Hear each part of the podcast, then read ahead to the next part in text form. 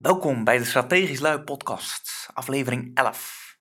Deze keer gaan we het hebben over de tegenhanger van het harde werken, namelijk zacht werken.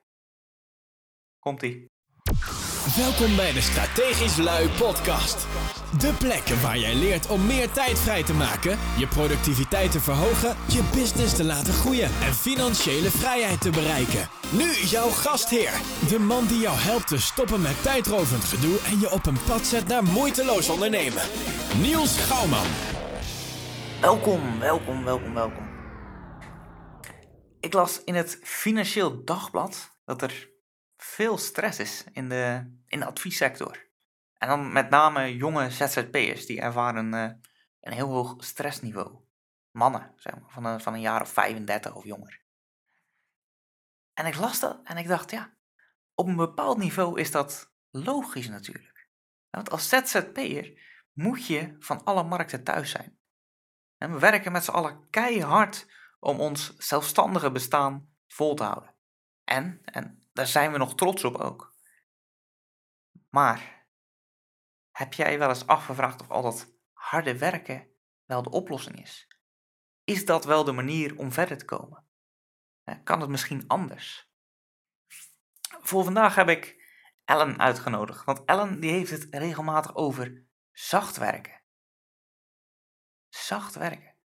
Zou dat een manier kunnen zijn waarmee we onze business kunnen laten groeien? Zonder al die stress? Let's find out. Hier komt het interview met Ellen.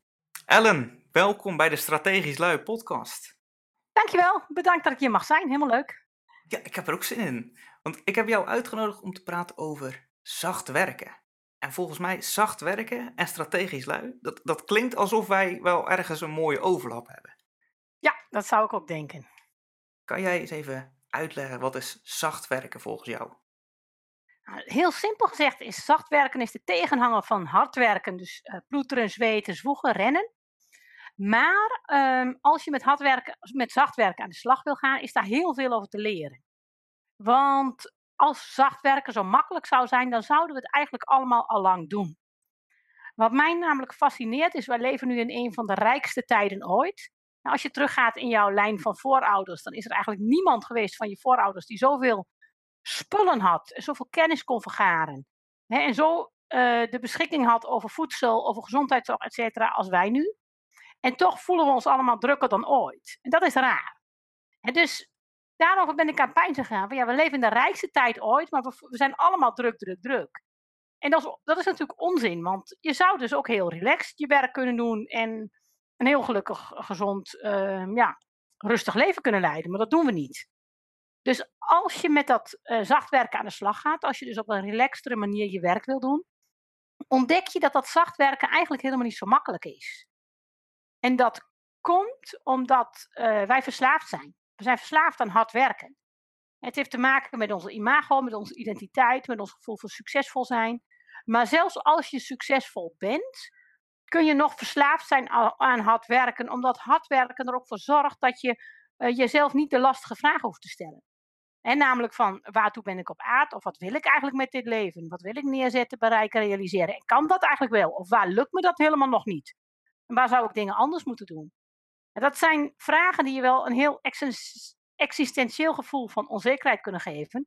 En die ontloop je heerlijk met hard werken.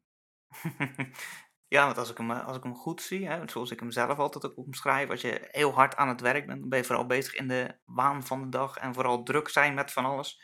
Maar je gaat niet even stilstaan om te kijken van, is dit wel daadwerkelijk nodig? Is dit nodig en is dit ook wel wat ik wil doen in mijn leven? Wil ik hier wel hè, mijn tijd aan besteden of aan bijdragen? Waarom is dit belangrijk voor mij? Die vragen stel je dan vaak juist niet meer. En wat ik ook heb ontdekt met zacht werken, is dat als je dat echt wil, dan zijn er vaak een paar hardnekkige blokkades die te maken hebben met vervelende emoties, die ervoor zorgen dat je steeds weer hard gaat werken. En dat noem ik je zombies. En die zombies die zorgen er eigenlijk voor dat je minder levendig wordt, minder creatief ook, en minder effectief. En dat je dus verzandt in dom hard werken. En wat dus heel belangrijk is als je zachter wil gaan werken, is dat je die zombies op het spoor komt. En ik noem dat met mijn klanten noem ik dat ook altijd, we gaan op zombiejacht. En dan moet je echt die zombies verslaan. En het, het lastige is, die zombies die zitten in jouzelf. Die zitten niet in de buitenwereld. Dus dat vereist ook wel een behoorlijk niveau van reflectie en introspectie en daarvoor in willen zijn om die zombies te verjagen. Maar als je dat doet, dat is echt fascinerend. Als je dus die zombies op, op, op het spoor komt en je verslaat ze, dan zie je ook dat die zombies jou op alle vlakken in je leven en je werk uh, tegenhielden op een bepaald level. Waardoor je bijvoorbeeld ook met je inkomen en je impact op de wereld niet kunt groeien. En op het moment dat je zo'n zombie verslaat, heb, kun je op alle vlakken een grote stap zetten. En het is echt net als in een computerspelletje. Een eindbaas die je verslaat, waarmee je in één klap op een hoger level komt. Je hebt een sterker zwaard. Elke slag van je zwaardje is meer geld waard. Maar de devils zijn ook weer hoger op, op een groter level. dus ook daar zijn de uitdagingen ook weer groter. En dat is natuurlijk best wel angstig en spannend en eng. Dus daarom is het voor veel mensen ook heel comfortabel om gewoon lekker in je eigen leveltje te blijven hangen. Lekker hard te werken. Te doen alsof het niet anders kan. Alsof je daar nou eenmaal gelukkig mee moet zijn. En zo je leven te leiden.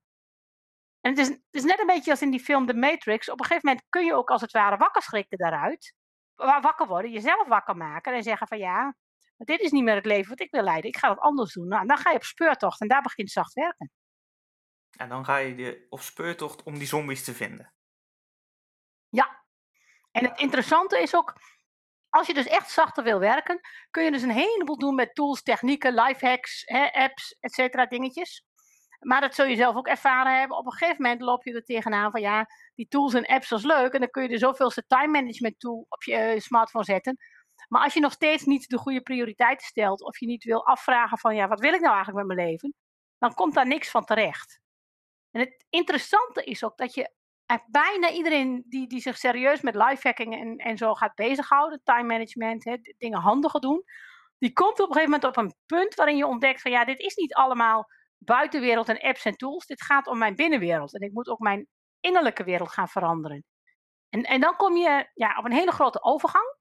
Want op die innerlijke wereld kun je echt verschrikkelijk veel dingen leren. En dan, dat, het fascinerende is ook dat daar ook um, Oosterse en Westerse wijsheid elkaar ontmoet. En dat je dan vaak ook op heel veel dingen komt uit de Oosterse tradities. Of meditatie, aandacht, concentratie, mindfulness, uh, goed voor je lichaam zorgen fysieke oefeningen waarmee je leert om die interne energie veel beter te besturen. Dus dan gaat het niet meer om, om externe dingen in je buitenwereld regelen, maar de, de energie van je binnenwereld eh, leren masteren. En, en, dat stuk vind ik echt fascinerend. Daar heb ik twee boeken over geschreven. Zacht werken is eigenlijk de inleiding. En de vervolgstap is hard werken met een T. Dus vanuit je hart je werk gaan doen. en dan gaat het heel veel over het, het masteren van die levensenergie. En, en um, ook vanuit liefde als het ware, dat als scheppende kracht voor je eigen ja, creaties, werk en leven gebruiken. En je bedrijf. Dat klinkt super vaag. Maar waar het op neerkomt is dat je dan eigenlijk een, ja, een onuitputtelijke bron in jezelf vindt. Die je door je bedrijf de wereld in kunt laten stromen. Waarmee je heel veel mensen kunt helpen. En het mooie is ook dat je ziet dat, dat echte topondernemers dat eigenlijk allemaal doen dat topondernemers die zijn niet, uh, niet langdurig, in elk geval topondernemer, met foute trucjes, uh, betalingsconstructies, monopolieposities, et cetera. Die zijn allemaal, die blijven lang aan de top als ze um, met hun creativiteit overvloed voor anderen kunnen scheppen. En dat creatief scheppen van overvloed, dat gebeurt in principe vanuit hun eigen innerlijke energie. Dat is het startpunt daarvan. Ja, en ik zeg het ook wel eens, uh, ja, je kan natuurlijk inderdaad aan de slag gaan met allerlei uh, time management en lifehacking en allerlei trucjes. Maar uiteindelijk uh, word je dan vooral heel erg efficiënt misschien wel. Maar als dat is voor de verkeerde dingen die je eigenlijk helemaal niet eens zou hoeven doen, om wat voor reden dan ook, is het nog steeds zonde van je tijd. Dus je moet echt intern inderdaad gaan kijken naar en juiste keuzes gaan maken van wat wil ik en wat moet ik daarvoor doen. Ja, en, en wat, wat dus ook fascinerend is, wat ik nou de laatste jaren veel meer speel, is ook als je dus die, die, die keuzes maakt en intenties zet op wat ik wil, hè, wat wil ik nou eigenlijk, dan kun je die intenties ook op hele fascinerende manieren bereiken.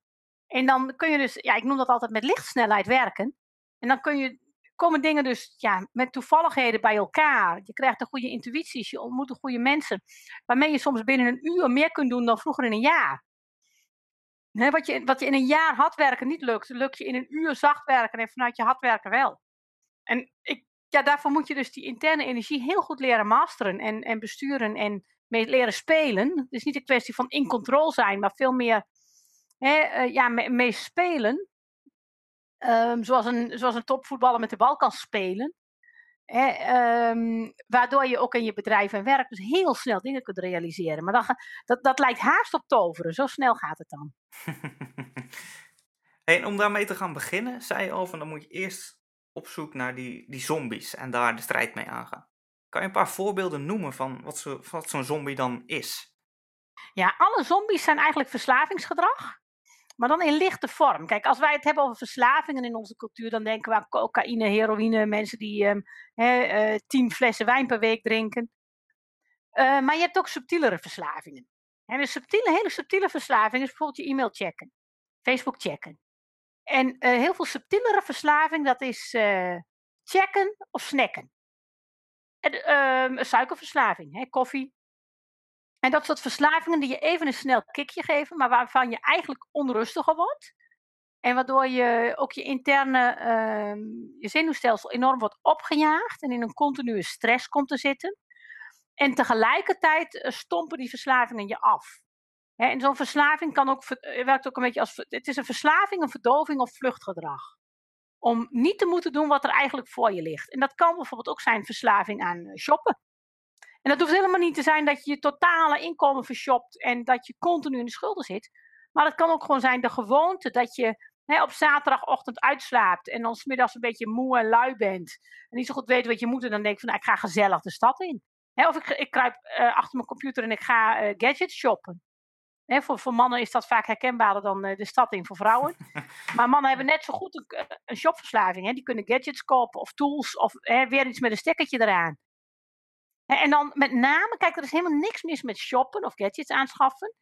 Het signaal dat het een verslavingsgedrag is, is als je het eigenlijk niet echt gebruikt. En als je er eigenlijk al vrij veel van hebt, wat ook ongebruikt op de plank ligt. En je herkent allemaal wel als je echt een passie in hebt. Mijn, mijn kinderen zijn dol op voetballen. Die vinden, we kunnen altijd wel een bal kopen. Maar ze spelen ook de hele dag met ballen. Dus voor hun is een bal niet verslavingsgedrag. Voor hun is een, een bal is gewoon passie. En als zo'n bal kapot is, dan komt er weer een nieuwe. Het wordt verslavingsgedrag als je alsmaar op internet loopt te surfen naar nieuwe ballen. En een kast vol nieuwe ballen hebt waar je nooit aan toe komt om mee te spelen. Ja, ja dan is het eigenlijk eerder uitstelgedrag dan iets nuttigs.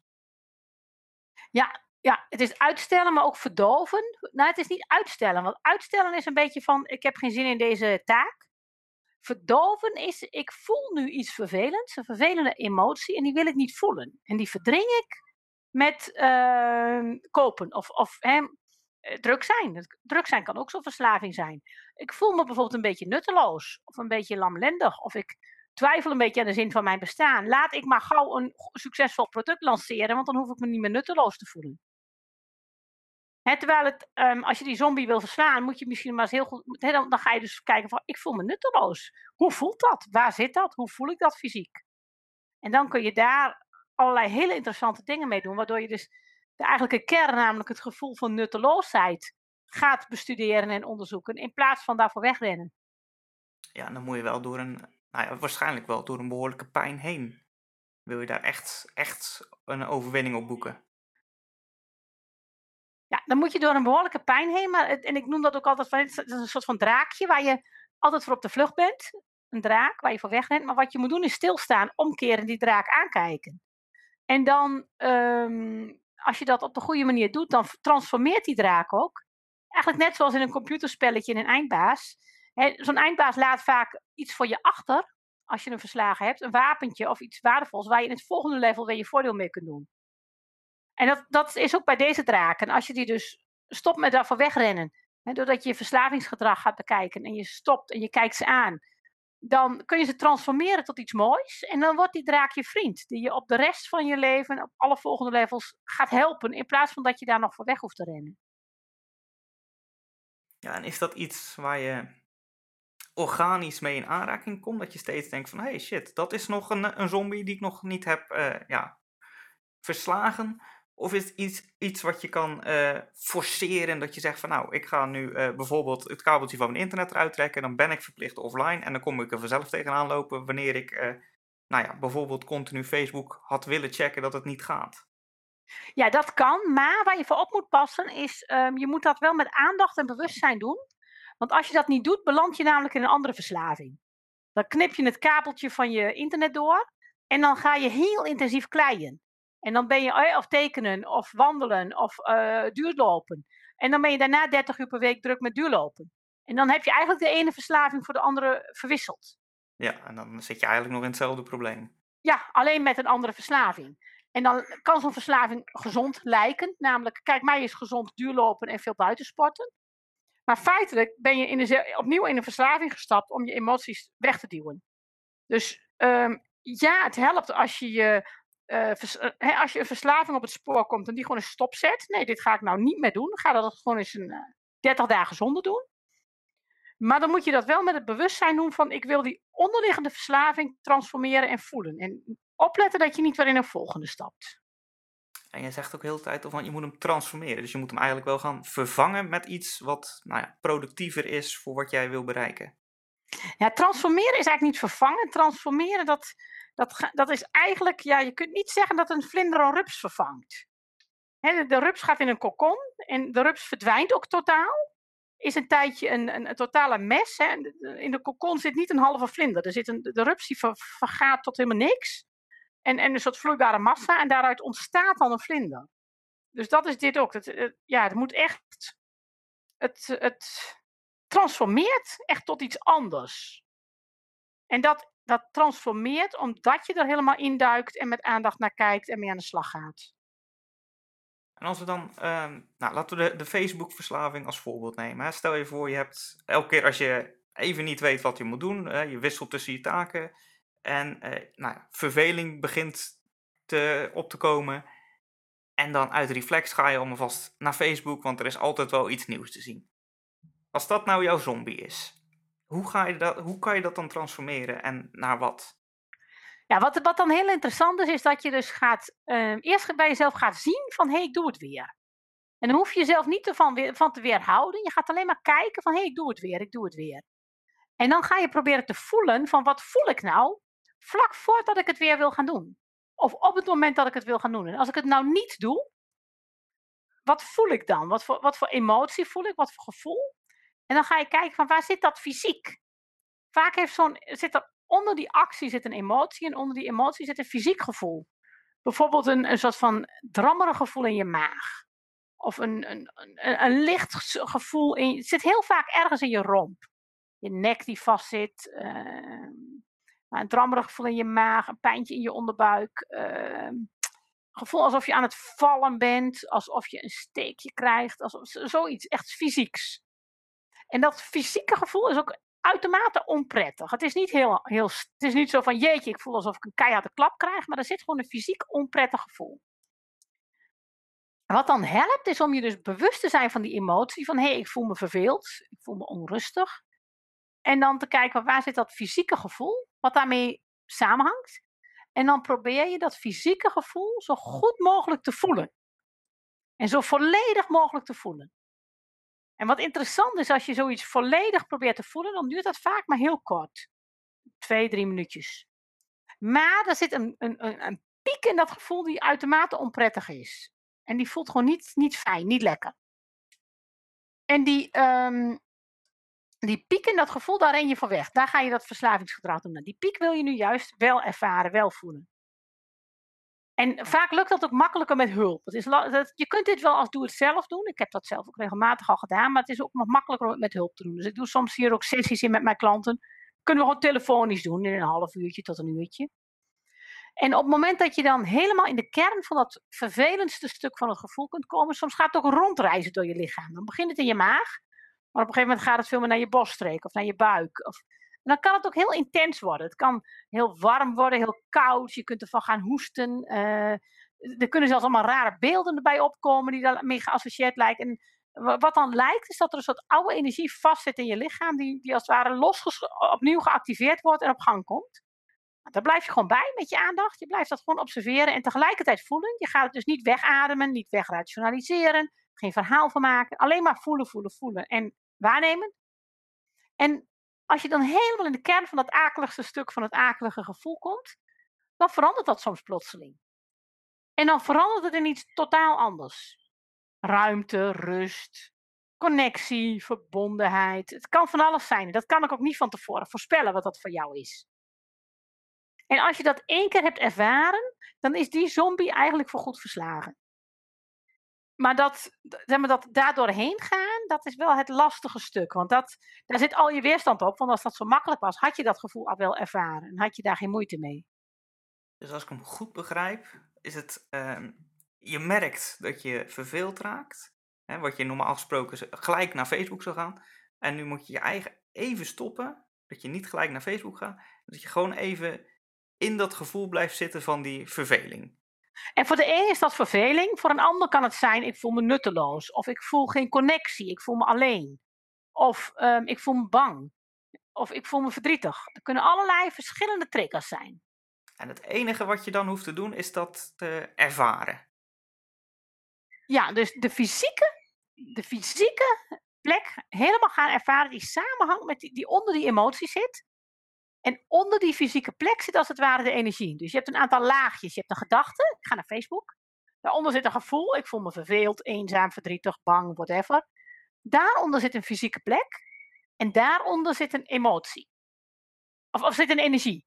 En, en, via die fysieke plek heb je als het ware toegang tot een energie die ergens vastzit in jouw systeem. Klinkt super vaag, maar eigenlijk is het heel praktisch. En als je die energie dus, door daar met aandacht in te gaan, um, kun je die als het ware wakker schudden. Net zoals de, de, de, de prins door een roosje wakker kust. En dan gaat de boel weer stromen. En dan is het per direct getransformeerd. En omdat die plek dan stroomt, is dat wat daar altijd vast heeft gezeten, is voorgoed weg. Ja, en in dit geval, als je dan, uh, nou laten we Facebook-verslaving als voorbeeld houden. Als je daar dan doorheen bent gegaan, dan krijg je die drang niet meer. Nee, en dan, eh, dan kun je nog steeds met veel plezier op Facebook zitten. Maar je hebt niet de hele dag de neiging van ik moet nu checken, ik moet nu checken. Omdat die um, emotie van leegte of verdriet of angst, je kunt nu gewoon weer die emotie ervaren.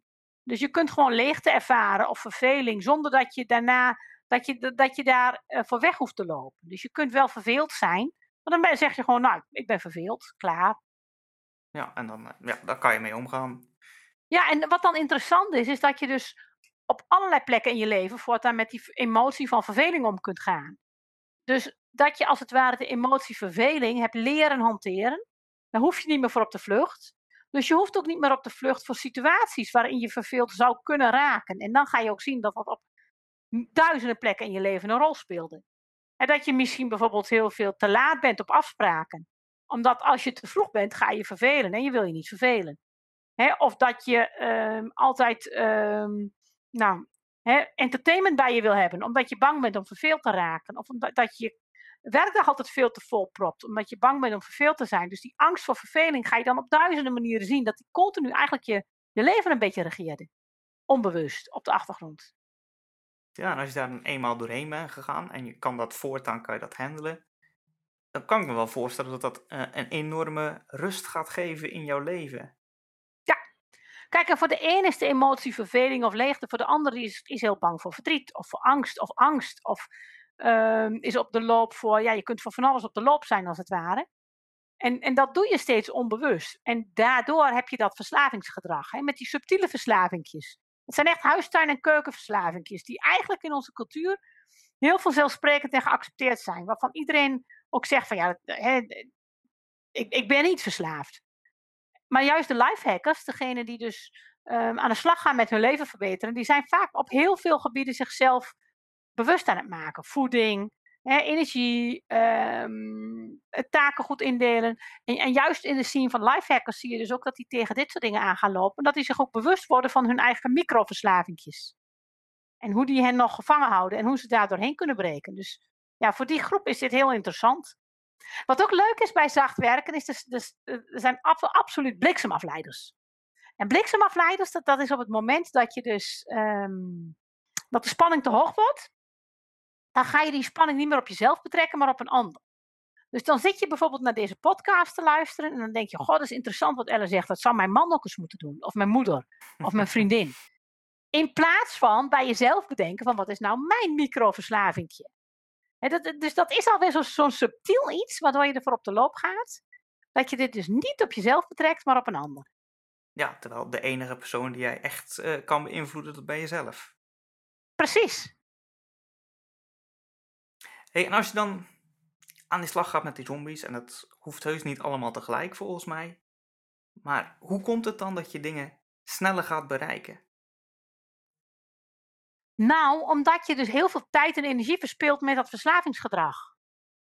dus als je niet met de hele dag Facebook loopt te checken, maar je kunt je gewoon af en toe verveeld voelen en je kunt in een lege ruimte zijn, dan kun je in die lege ruimte heel veel creatieve plannen krijgen, ideeën krijgen. Dus jouw scheppende kracht wordt een enorm stuk groter omdat je deze energievretende zombies uit je uh, innerlijke wereld uh, kwijtraakt. Dus je krijgt heel veel meer power om mooie dingen neer te zetten. En is het volgens jou dan ook een goed idee om te beginnen met uh, ja, iets van een tijdlogboek bij te houden, automatisch of handmatig, om je bewust te worden van hé, hey, er gaat inderdaad wel heel veel tijd in zitten in die zombies? Nee, dat hoeft niet. Um, een tijdlogboek hoeft niet. Wat, ik, wat, wat je beter kunt doen is een energielogboek. En dat je kijkt van wat zijn dingen die, mij, die eigenlijk mijn energie vreten. Dus bijvoorbeeld, wat zijn dingen die ik dan, waar ik wel veel tijd aan besteed, maar achteraf voel ik me een beetje moe, lamlendig, lusteloos. Uh, hè, dus het voelt een beetje ook als een bodemloze put. Het is nooit genoeg. Hè, als je dingen doet waar je energieker van wordt, hè, dus van een, van een goede maaltijd bijvoorbeeld, hè, dat is lekker, dat is leuk, dat is gezellig. En dan voel je na de tijd voel je energiek. Maar van een, van een verkeerde maaltijd of overeten of een obsessie met voedsel voel je na de tijd lamlendig. Je hebt een soort hollebolle gijsgedrag. Dus het is meer een energiedagboek, dat je in je dag eens gaat kijken van, hé, hey, welke dingen kosten me energie, welke dingen geven me energie. En welke dingen doe ik eigenlijk wel, maar, maar kosten eigenlijk veel meer energie dan ze me opleveren. Bijvoorbeeld voor de tv hangen, journaal kijken, nieuws checken. En dat kan ook zoiets zijn wat je, waarvan je denkt van ja, als hoogopgeleide persoon moet ik toch het nieuws bijhouden. Terwijl het eigenlijk iets is wat me elke keer energie kost. En na, het, na het nieuws ben ik een beetje chagrijnig en moe of bozig op de wereld. En dan kan dus nieuws kijken, kan zo'n zombiegedrag van je zijn. Ja, dan moet je ook echt kritisch gaan kijken van uh, als het me al energie kost, eh, heb ik er dan op zijn minst nog wat aan? Of is het iets wat energie kost en uh, netto kan ik er nog niks mee ook? Nou, eigenlijk kun je er wel vanuit gaan, als het je energie kost, dan uh, klopt er iets niet. En dan kan het zijn dat je dingen nog niet op de goede manier doet. Hè? Bijvoorbeeld als je een, nieuwe taak moet leren, dat kost in het begin veel energie. Maar dan ben je ook voldaan, omdat je voelt van, hé, hey, ik ben hier iets aan het leren wat ik belangrijk vind. En ik zet stapjes vooruit en dan kan het wel frustrerend zijn, maar kan je ook voldaan zijn. Als je dat voldane gevoel mist, en het vreet steeds een stukje van je energie, en dus zacht werken begint heel erg met bewustwording van je eigen energie. Van wat kost me energie, wat geeft me energie. En hoe kan ik gewoon steeds meer doen van wat me energie geeft. En hoe kan ik die energievreters verminderen. En verminderen, dat kan zijn dat je er helemaal mee stopt. Omdat het, nou ja, het kost jou energie en uh, je hebt er misschien ook helemaal niks aan voor de rest. Ja, je kunt gewoon stoppen met dingen en dan kom je dus soms op het spoor van, van die subtiele verslavingjes. Dat je denkt van verrek, dat kost me als mijn energie, maar ik blijf het toch maar doen. En wat doe je dan met iets als, uh, nou ja, mijn voorbeeld, uh, administratie voor je bedrijf? Uh, dat is wel iets wat moet gebeuren. Het kost mij verschrikkelijk veel energie. Zeker als mensen dan nog lastige vragen gaan hebben ook. Of de, de belasting snap ik er iets niet van. En ja, het moet gebeuren, maar van mijn energie gaat het niet worden. Ja, nou, soms ontkom je er ook niet aan en dat soort hele kleine dingetjes. Maar voor mijn gevoel, als ze meer dan 1% van je tijd innemen, dan moet je gewoon al kijken hoe kan ik het handiger organiseren. Bijvoorbeeld administratie kun je uitstekend uitbesteden aan, aan een boekhouder of een virtuele assistent of een accountant. Als je dat niet doet, terwijl het je veel energie kost, dan zit daar dus een belemmering achter. Bijvoorbeeld dat je vindt dat je alles zelf moet kunnen of dat je dingen niet uit handen durft te geven. En vaak zit daar dan een soort van een leiderschapsissue Um, waardoor je dat vindt dat je dat zelf moet blijven doen. Maar dat vind je dan misschien wel op veel meer gebieden in je leven. Waardoor je um, op het spoor kunt komen dat jij me met het niet uit handen willen geven, eigenlijk je bedrijf en jezelf klein houdt op dit moment. En dus het is heel interessant om dan te gaan kijken van wat zit daar aan mindset issues onder, wat ervoor zorgt dat ik vind dat ik dit moet blijven doen. En die administratie vind ik een hele herkenbare want die heb ik ook gehad. En toen heb ik het uitbesteed aan een boekhouder. En dat, ik vond dat echt vreselijk veel geld voor een boekhouding per jaar. Maar goed, ik ben dat toch gaan doen. En in de, in de week dat ik toen normaal mijn administratie zou moeten doen, heb ik toen een online programma gelanceerd waarmee ik mijn boekhouder voor drie jaar terugverdiende. ja. Dus, maar daar heb ik heel lang tegenaan gehikt voordat ik dat deed. Dus, ehm, en je merkt ook, nu, nu groei ik weer met mijn bedrijf en ik kom weer op een nieuw level van complexiteit. Nu hik ik er weer tegenaan om die boekhouding goed georganiseerd te krijgen. Dus boekhouding is voor mij elke keer wel weer een eindbaasje bij elk level. Dat ik merk van ja, dan moet ik dat nog weer een slag strakker organiseren. Maar bijvoorbeeld uitbesteden is voor mij ook zoiets. Hè? Of team aantrekken, dingen overlaten aan andere mensen. Van ja, ik ben handig, ik ben slim, ik ben een duizend dingen doekje, ik kan dat toch allemaal zelf wel. Hè, dus dat is elke keer weer zo'n, uh, weer op een nieuw level, een zombietje, wat ik dan toch even moet verslaan. Ja, en ik snap het ook wel. Dat zeker voor veel mensen, zeker starters en zelfstandigen, waarvan hun bedrijf is toch echt wel hun kindje, is het toch wel moeilijk om dat los te laten. Zeker ook met het risico dat je nog maar moet zien dat je het op de een of andere manier daarna weer terugverdient. Ja, aan de andere kant, um, kijk, in een eerste half jaar van je bedrijf, eerste half jaar, dan ben je vaak ook een beetje aan het zoeken. Hè, van wat doe ik nou, wie ben ik, wat wordt het allemaal. Maar ik vind na een half jaar, dan, dan zou je toch wel wat betalende klanten en betaald werk moeten hebben. En dan zou het dus zo moeten zijn dat als jij minder tijd besteedt aan dingen die jouw energie en tijd kosten, heb je meer tijd voor betaald werk. En betaalde klanten aantrekken. Dus dan is dat al heel gauw rendabel te maken. En als dat niet zo is, ja, dan klopt er ook gewoon nog iets niet in je, hè, in je businessmodel of in je bedrijf. Ja, dan moet je eerst daarmee aan de slag voordat je uiteindelijk de zombie van het uitbesteden kan overwinnen. Nou, of andersom. Je zegt gewoon van, nou weet je, ik ga het gewoon drie maanden uitbesteden. En als het dan niet uit kan, moet ik het weer zelf gaan doen. Nou, dan ga je niet drie maanden ga je echt wel genoeg verdienen dat je het nooit meer zelf hoeft te doen. en soms moeten investeringen een klein beetje voor de baat uitgaan. En je zou best kunnen zeggen van nou, het is nou juni, ik ga een boekhouder nemen voor de rest van het jaar. En dan ga ik uh, in december ga ik evalueren of ik hem volgend jaar weer kan betalen. En, en dat is van best te overzien. Dus ik, ik werk met klanten heel vaak met een pilot van drie tot zes maanden. Dan gaat gewoon eens drie maanden proberen. En dan kun je altijd weer terug. En dat is vaak al zo bevrijdend dat je nooit meer terug wil. Nee, nee dat, dat, ben je er eindelijk vanaf en denk oh, zo fijn dat ik dat nooit meer zelf hoef te doen. Dan wil je dat echt niet meer dan ga je echt wel zorgen dat je dat blijft verdienen, dat geld, om die persoon te betalen. Maar vooraf is het een hele slag. Dan hik je er ontzettend tegenaan.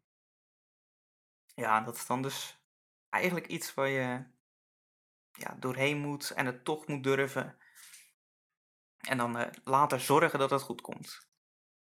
Ja, weet je, en ondernemen en groeien, of hè, zowel in je werk als in, je, in een bedrijf, dat geldt natuurlijk in elke baan, vraagt op een gegeven moment dat jij als persoon groeit. En dat is niet alleen een kwestie van, nou, ik doe een nieuwe programmeercursus en ik heb meer programmeer- of technische vaardigheden. Ja, maar het is juist dit soort eh, vaardigheden die je moet groeien. En juist daarin zitten vaak de grote stappen in je carrière, dat je dit soort dingen leert en kunt.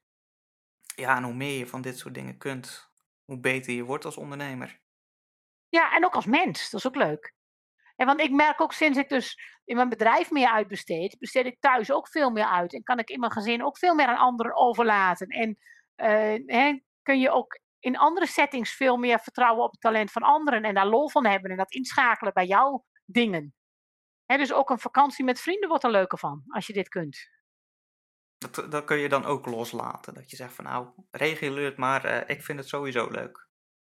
Ja, of nou, want, want uh, bijvoorbeeld hè, met een boekhouder werken betekent niet dat je de administratie over de schutting flikkert en hij maakt er wel wat van. En dan moet jij nog steeds leiderschap tonen. Dat te zeggen van, ik wil dit en dat, zus en zo zien in mijn bedrijf. Dat, die overzichten wil ik, dan wil ik het ontvangen.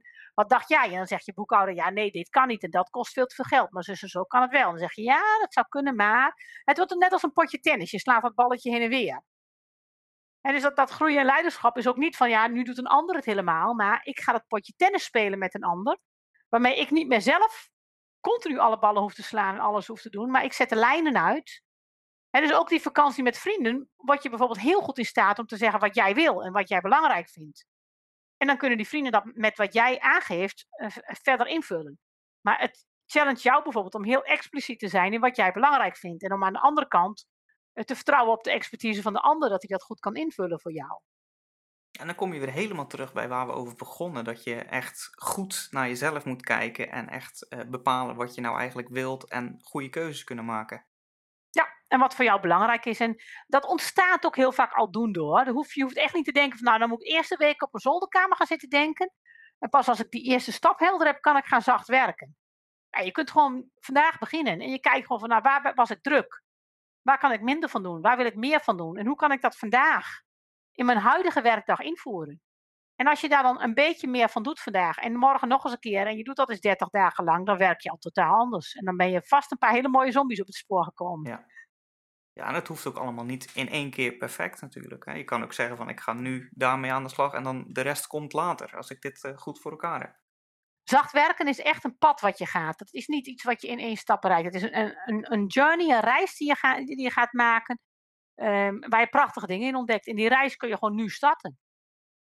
En als je hem nu start, en als ik hem goed heb begrepen, dan ben je er eigenlijk heel je leven nog, uh, nog zoet mee. Ja, en die, die kun je steeds verder verfijnen. Hij wordt steeds subtieler. Maar hij gaat je ook fantastische dingen opleveren. Zo heb ik het. Ik heb al heel lang een droomauto vanaf mijn zestiende. En uh, een, een, Porsche 911. Ik heel lang uh, had voor gewerkt. En het afgelopen half jaar heb ik die met zachtwerken gemanifesteerd. En nu staat hij gewoon thuis voor de deur hier. Ik zag het op je Facebook, hè? Je had nu die, die nieuwe auto en uh, dat was al gelijk een boete. Ja, die was echt zo schattig. Ik kreeg een boete omdat ik 1 km per uur te hard had gereden. Ja, dat is lullig. Dan heb je een auto die 300 km per uur uh, kan gaan. Ik vond het zo schattig. Ik ga die denk ik inlijsten en bewaren. Dat vond ik zo humor. Nee, maar je laat ook, dat laat ook wel zien. Ik noem het omdat zacht werken is dus niet alleen um, vage shit en uh, soft, soft gedoe. Je kunt er gewoon keihard een uh, knalmooie auto mee realiseren. Dus het heeft hele harde effecten. En ook in je bedrijf en in je leven. En ja, je kunt daarmee ook heel veel mooie dingen voor anderen betekenen in je werk. Je impact wordt er alleen maar groter door, niet kleiner. Ja, en je impact wordt groter omdat jij je steeds meer gaat focussen rondom de dingen waar je energie van krijgt. Dus je kan met meer energie kan je dingen doen. Terwijl de andere dingen, ja, je zoekt wel een manier dat die ook nog opgelost worden. Ja, en dat laat je doen door mensen die daar energie van krijgen en daar goed in zijn. Dus je helpt ook anderen en die betaal je daar ook goed voor. dus je helpt ook anderen om te doen waar zij goed in zijn en om elkaar dus naar een hoger plan te trekken. En voor mij is dat ook een essentie van economie. Hè. In de economieboekjes staat dat de definitie van economie is de rationele verdeling van schaarse goederen. En voor mij is economie het creatief scheppen van overvloed. Dat is waarvoor je je bedrijf runt. En, en overvloed voor jezelf en voor anderen door jouw talent in de wereld te zetten. Ja, dat was hem. Het interview met Ellen. Wat ik zelf heel interessant vond, is dat Ellen een, een wat spirituele benadering heeft op werken. Keiharde keuzes combineren met dingen voelen. Ellen, bedankt. De show notes die staan op strategischlui.nl slash 11, cijfer 11, 11. Daar staan ook links naar de website van Ellen en naar de boeken die Ellen hierover heeft geschreven. Dus als je meer over Ellen wil vinden, ga naar strategischlui.nl slash 11. Ook als je nog uh, vragen hebt hierover, onderaan die pagina staat gewoon een, uh, een reactiedingetje. Kun je al je vragen stellen. Als je je vragen daar dan stelt, dan uh, zal ik in ieder geval Ellen ervan op de hoogte stellen dat er vragen zijn. strategischlui.nl slash 11. 11. Hey, en dan heb ik alvast een nieuwtje voor je. Verder nog nergens aangekondigd, dus je bent echt de, eerste die het hoort wat dat betreft. Dus uh, over een maandje, op donderdag 8 september, ga ik een Productivity Meetup organiseren. Samen met, en dan hoop ik dat ik het goed uitspreek, Tan van Asian Efficiency. Verdere details uh, heb ik nog niet. Aanmelden kan ook nog niet. Ja, dat moet ik allemaal van de week nog gaan regelen. Maar reserveer die donderdagavond in ieder geval vast in je agenda. Ja, dat gaat heel leuk worden. Donderdag 8 september, s'avonds en want als je nou aan de slag wilt met tijd besparen en je business laten groeien en nou ja, eigenlijk met alles wat je doet, heb je mensen in je omgeving nodig die ook met zulke dingen bezig zijn. En mensen waar je mee kunt sparren, mensen die met je meedenken, mensen waar jij van kunt afkijken. En ja, de eerste stap kan dan zijn dat je lid wordt van de Strategische Lui Academy bijvoorbeeld. En dan kun je in ieder geval vast een paar modules volgen en van ons afkijken. En daarnaast moet je dus die mensen om je heen gaan verzamelen. Als jij omgaat met mensen die ook bezig zijn met het meeste uit hun tijd halen, zul je merken dat je zelf ook sneller vooruit komt. Het heeft allemaal te maken met uh, nou ja, spiegelneuronen in je, in je hersenen. Dus wat dat betreft, meld je aan voor de Strategische Academy en reserveer alvast tijd in agenda voor donderdag 8 september. Ik ben maandag weer bij je terug. Dan samen met Jelle Derks. En gaan we het hebben over minimalisme. Tot dan. Ontdek hoe ook jij een tijdrevolutie kunt creëren. Check strategischlui.nl